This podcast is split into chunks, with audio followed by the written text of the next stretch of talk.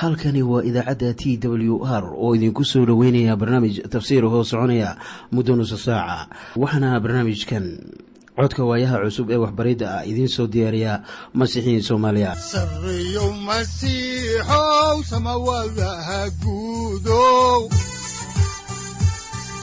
Siraadkii adduunkow subanaha eebow sareyow masiixow samawadaha guudow siraadkii adduunkow subanaha eebow adigoo samada jiro ifkaan soo saldhiganba adigoo samada jiro ifkaan soo saldhiganba kutubtiisanaye udanogu saaciiday sharxin sifahaaga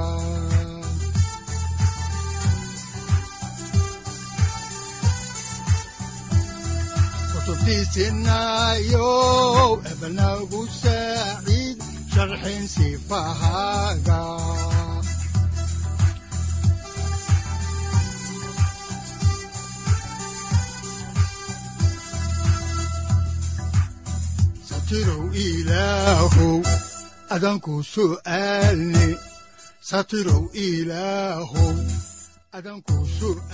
ku soo dhowaada dhegaystayaal barnaamijkeenna dhammaantiinba.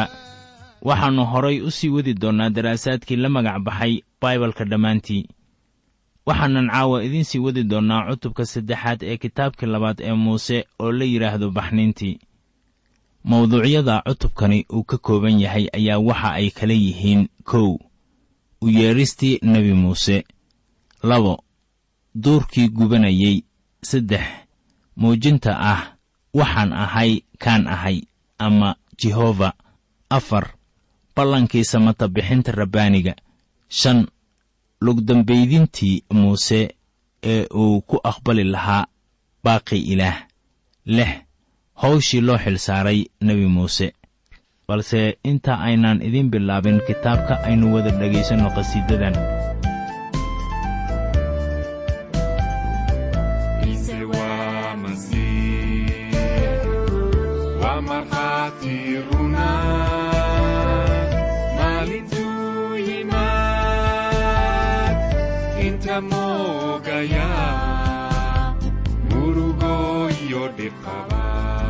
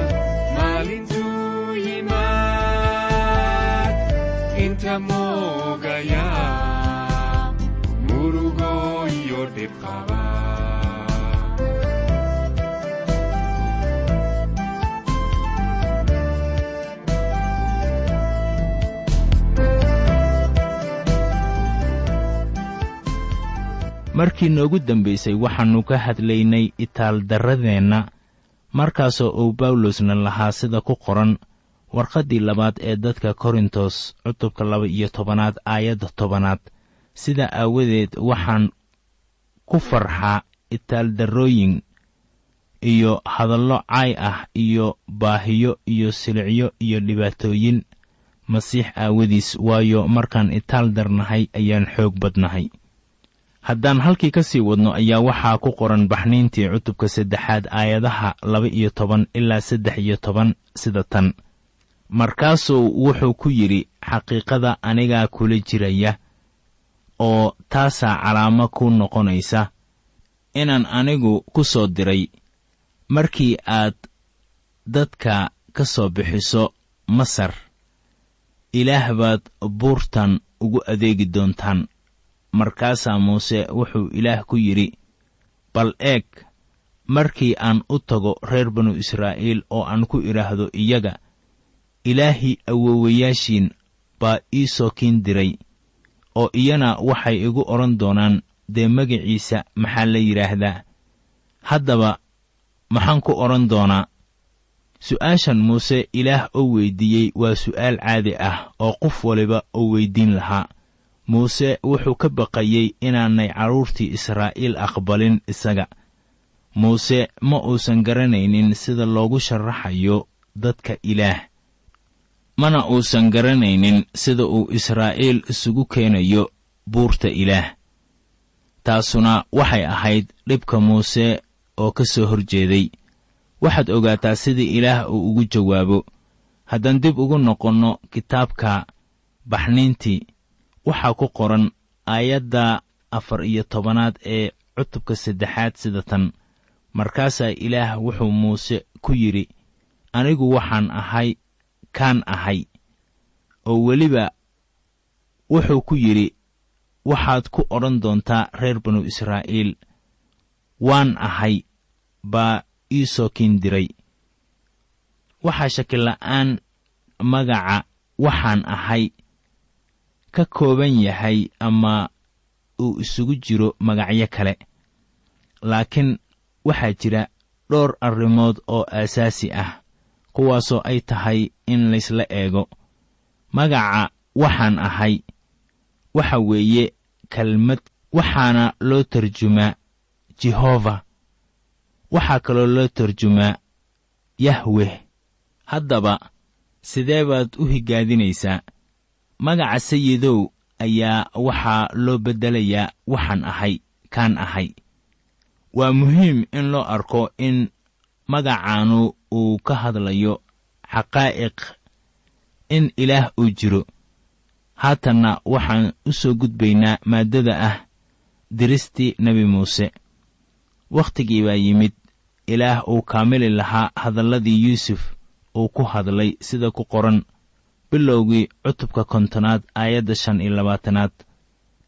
Waa markuu lahaa hubaal ilaah waa idiin soo booqan doonaa haddaan dib ugu soo noqonno kitaabkii labaad ee muuse oo la yidhaahdo baxniintii cutubka saddexaad aayadda shan iyo tobanaad ayaa waxaa ku qoran oo ilaah weliba wuxuu kaloo muuse ku yidhi waxaad ku tidhaahdaa reer banu israa'iil rabbiga ah ilaahay awowayaashiin oo ah ilaahay ibraahim iyo ilaahay isxaaq iyo ilaahay yacquub ayaa ii soo kiin diray. Kanu waa magacayga weligay oo laygu xusuusto ka'ab ka'ab. Ilaah wuxuu u muuqday ibraahim isxaaq iyo yacquub. Isla ilaahan ayaa muuse u dirayey carruurtii israa'iil oo qaabka shaqada ay u soconayso ayaa waxay ku qoran tahay cutubka saddexaad aayadaha lix iyo toban ilaa labaatan oo leh bal tag oo isu soo ururi waa yeellada reer banu israa'iil oo waxaad ku tidhaahdaa rabbiga ah ilaahii awowayaashiin oo ah ilaahi ibraahim iyo ilaahi isxaaq iyo ilaahi yacquub ayaa ii muuqday. Isagoo leh hubaal waan idiin soo booqday oo waan arkay waxa laydinku sameeyey masar dhexdeeda oo waxaan idhi anigu waan idinka soo wadi doonaa dhibaatida masar oo waxaan idin keeni doonaa dal reer kancaan iyo reer xeed iyo reer amor iyo reer feris iyo reer xiwi iyo reer yabuus oo ah dal caano iyo malab la barwaaqaysan oo codkaaga way maqli doonaan markaas adiga iyo waayeellada reer banu israa'iil waa inaad u tagtaan boqorka masar oo waxaad ku tidhaahdaan rabbiga ah ilaaha cibraaniyada ayaa nala kulmay. Haddaba waan ku baryaynaaye.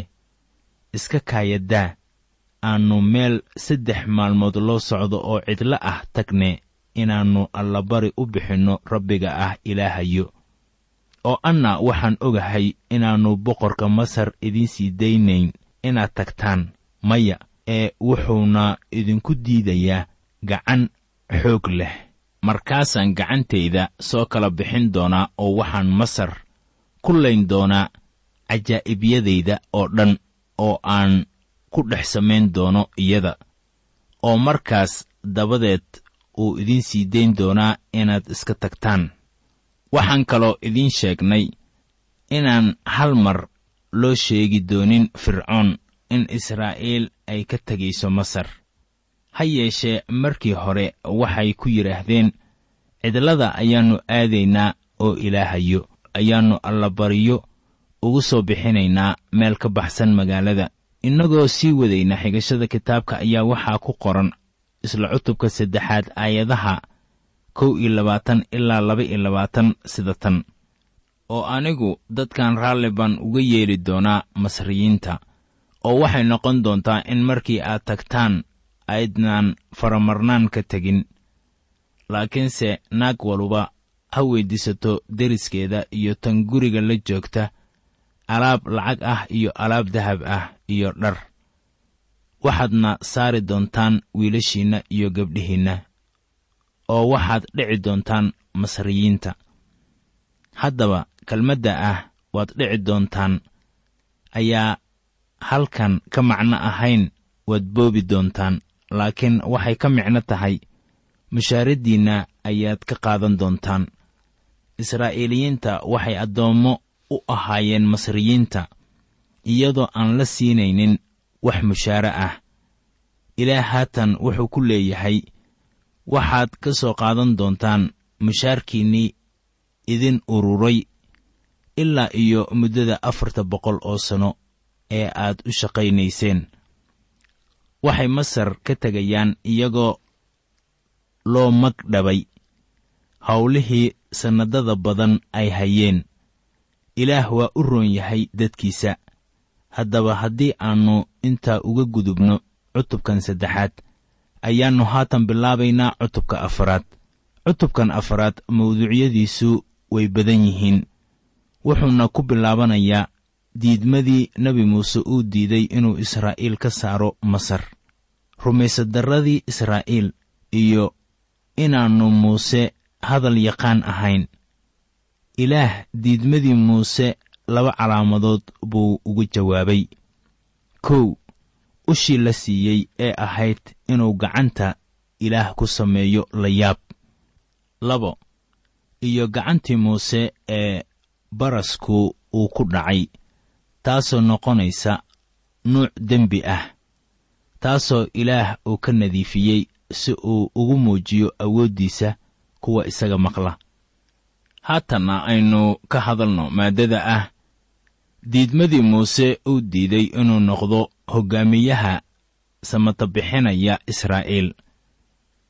Muuse asbaabo badan ayuu haystay taasoo keenaysa inuu wax iska weyddiiyo inuu noqon karayo ninka hawsha u qalma.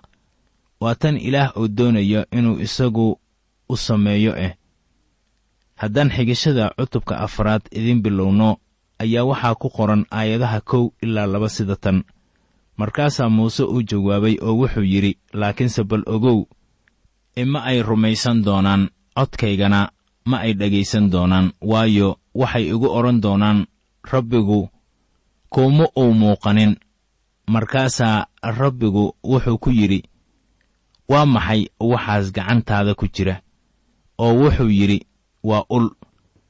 Maalmaha soo socdo muuse wuxuu ushaas u isticmaalayaa habab fara badan. Waxay noqonaysaa calaamad awoodeed iyo markhaati u sheega israa'iil iyo masriyiinta in ilaah uu la jiro isaga. Waxay kaloo taasu u noqonaysaa isaga xoog. Haddaan halkaasi ka sii wadno xigashada ayaa waxaa ku qoran kitaabkii labaad ee baxniinta cutubka afaraad aayadda saddexaad sida tan markaasuu ku yidhi bal dhulka ku tuur markaasuu dhulka ku tuuray oo waxay noqotay abeeso. Kolkaasaa muuse uu ka hor cararay. Muusena ushii buu dhulka ku tuuray oo markaasay waxay noqotay bahal laga cabsado. Haddaba waxaad ogaataa inaanay ushu lahayn wax awood ah. Waase qalab tusaale ah oo shayddaanka ayaa u isticmaali kara sida ilaah uu u isticmaalay si ka duwan. Bal kaba soo qaad in ushii aad la meel dhigto dollarka maanta iyo lacagyowga dunida oo jira oo kale. Waxaad haddaba lacagtaasi u isticmaali karaysaa dil dhilannimo qamaar iyo qamri. Markaan dhanka kale ka eegno lacagtaasi waxay noqon karaysaa abeeso waxaa taasi wehliya oo soo raaca usha. In ilaah muuse uu siinayo hadiyad kale oo hubaal ah oo wuxuu barayaa cashar. Ahmiyaddiisu ay sarrayso marka uu haatan ku dhow yahay inuu qaato xilkan weyn ee ah inuu israa'iil ka wado dalka masar. Haddaan dib ugu soo noqonno kitaabka ayaa waxaa ku qoran cutubka afaraad aayadaha lix ilaa sagaal sidatan oo rabbiguna wuxuu kaloo ku sii yidhi isagii bal gacanta laabtaada saar markaasuu gacanta laabta saaray oo markii uu ka qaaday bal eeg gacantii baras bay yeelatay oo waxay u caddaatay sida baraf cad. Markaasuu ku yidhi bal gacanta laabta mar kale saar kolkaasuu mar kale gacantii laabta saaray oo markii uu ka qaaday laabtii bal eeg waxay haddana u rogmatay oo ay u ekaatay sida jidhkiisii kale. Oo waxay noqon doontaa hadday kugu rumaysan waayaan oo ay calaamadda hore codkeeda maqli waayaan dee markaas calaamadda dambe codkeeday rumaysan doonaan.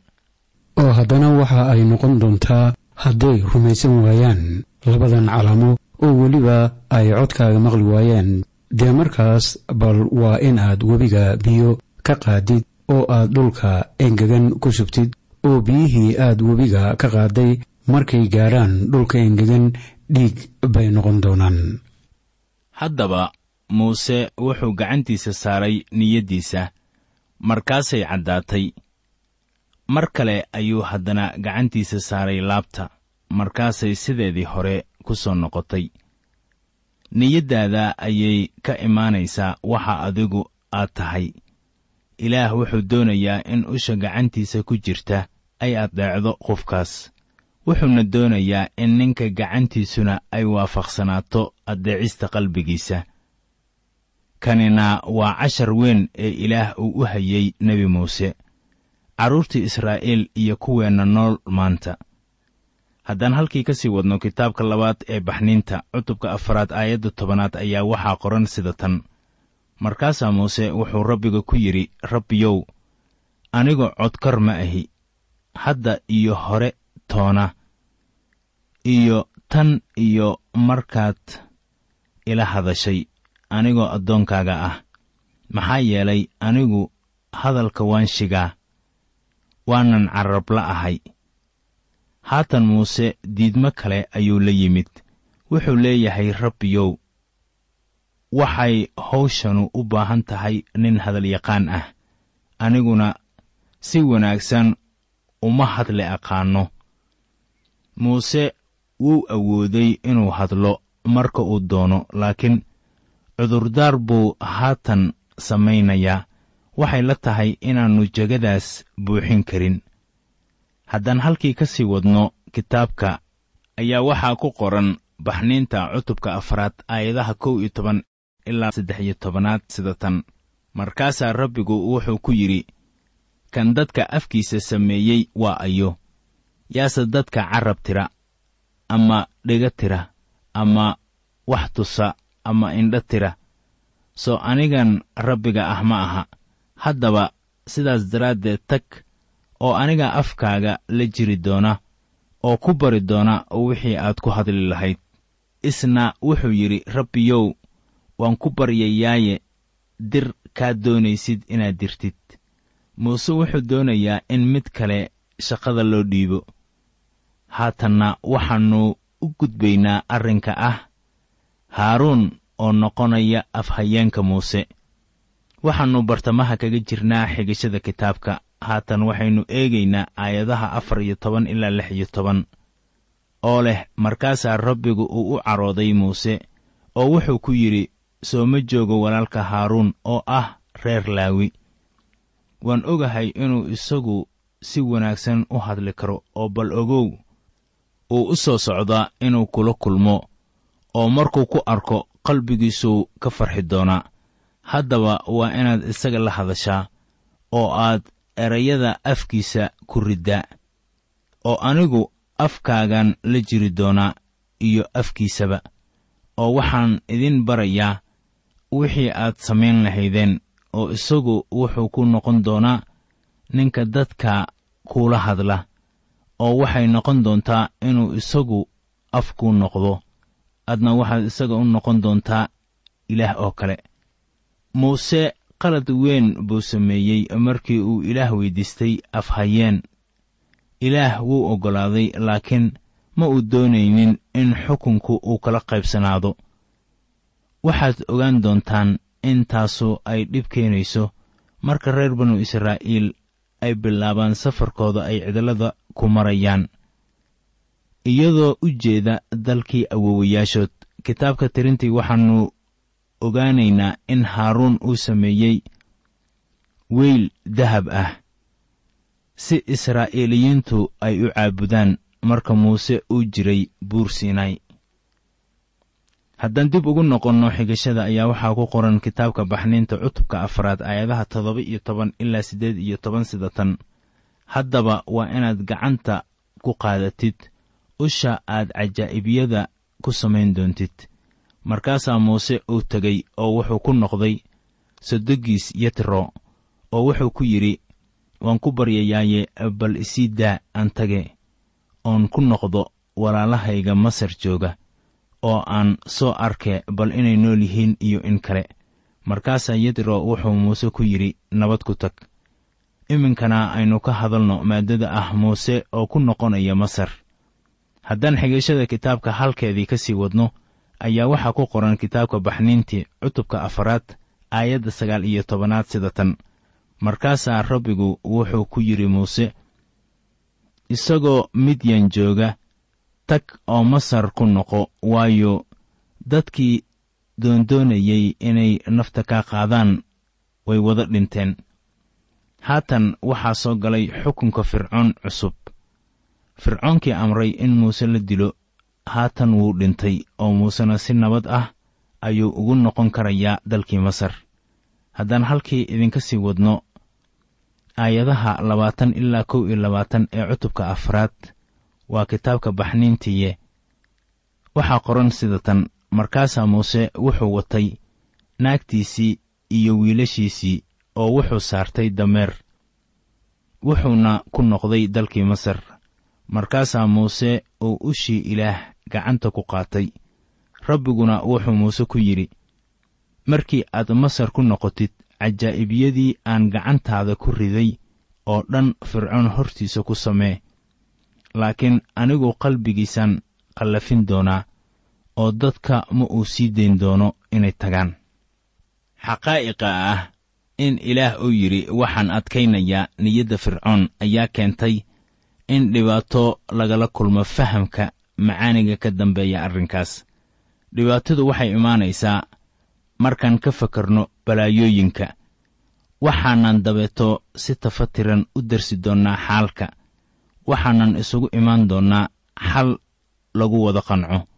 Haatanse aynu halkii ka sii wadno xigashada kitaabka oo aan eegno waxa ku qoran kitaabka labaad ee baxniinta cutubka afraad aayadaha laba iyo labaatan ilaa saddex iyo labaatan oo leh oo waxaad fircoon ku tidhaahdaa rabbigu wuxuu yidhi israa'iil waa wiilkayga curadka ah oo waxaan adiga kugu idhi wiilkayga sii daa ha tagee oo ha ii adeegee adiguse waxaad u diidday inuu tago.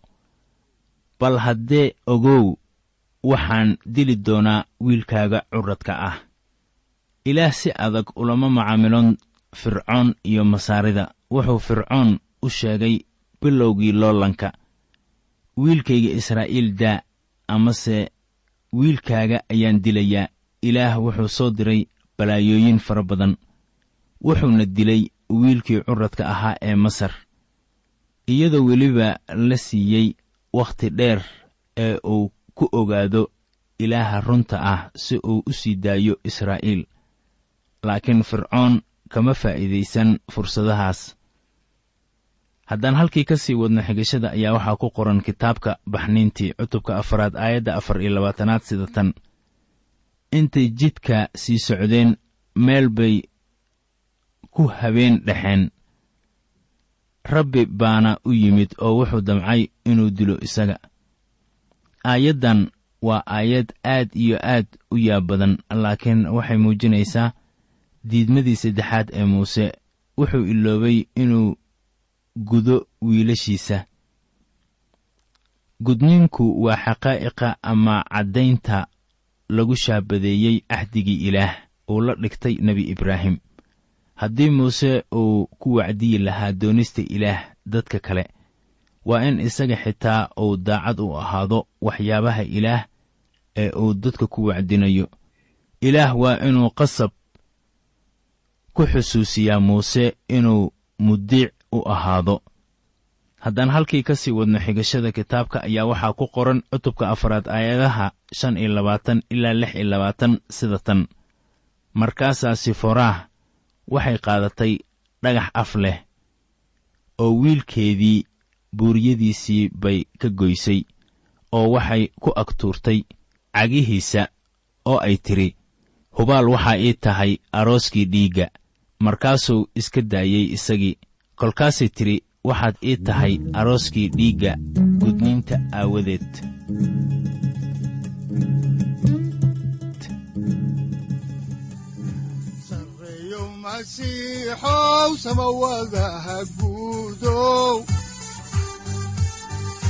Siraadkii adduunkow subanaha eebow adigoo samada jiro ifkan soo saldhiganba adigoo samada jiro ifkan soo saldhiganba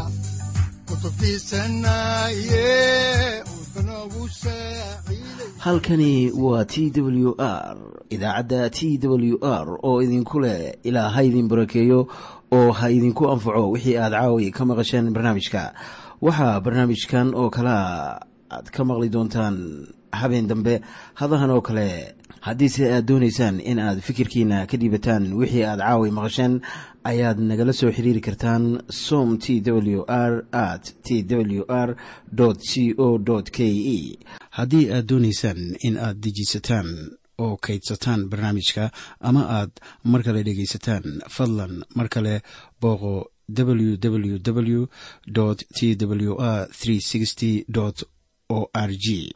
Amase waxaad teleefoonkaaga ku kaydsataa ama ku download garaysataa agabyada.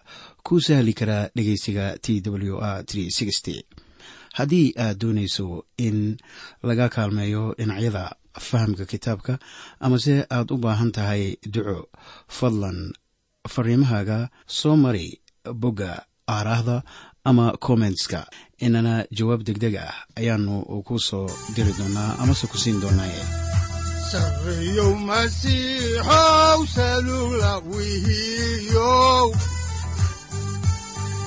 saacadda timid dhulka sabada ku dhalatiyo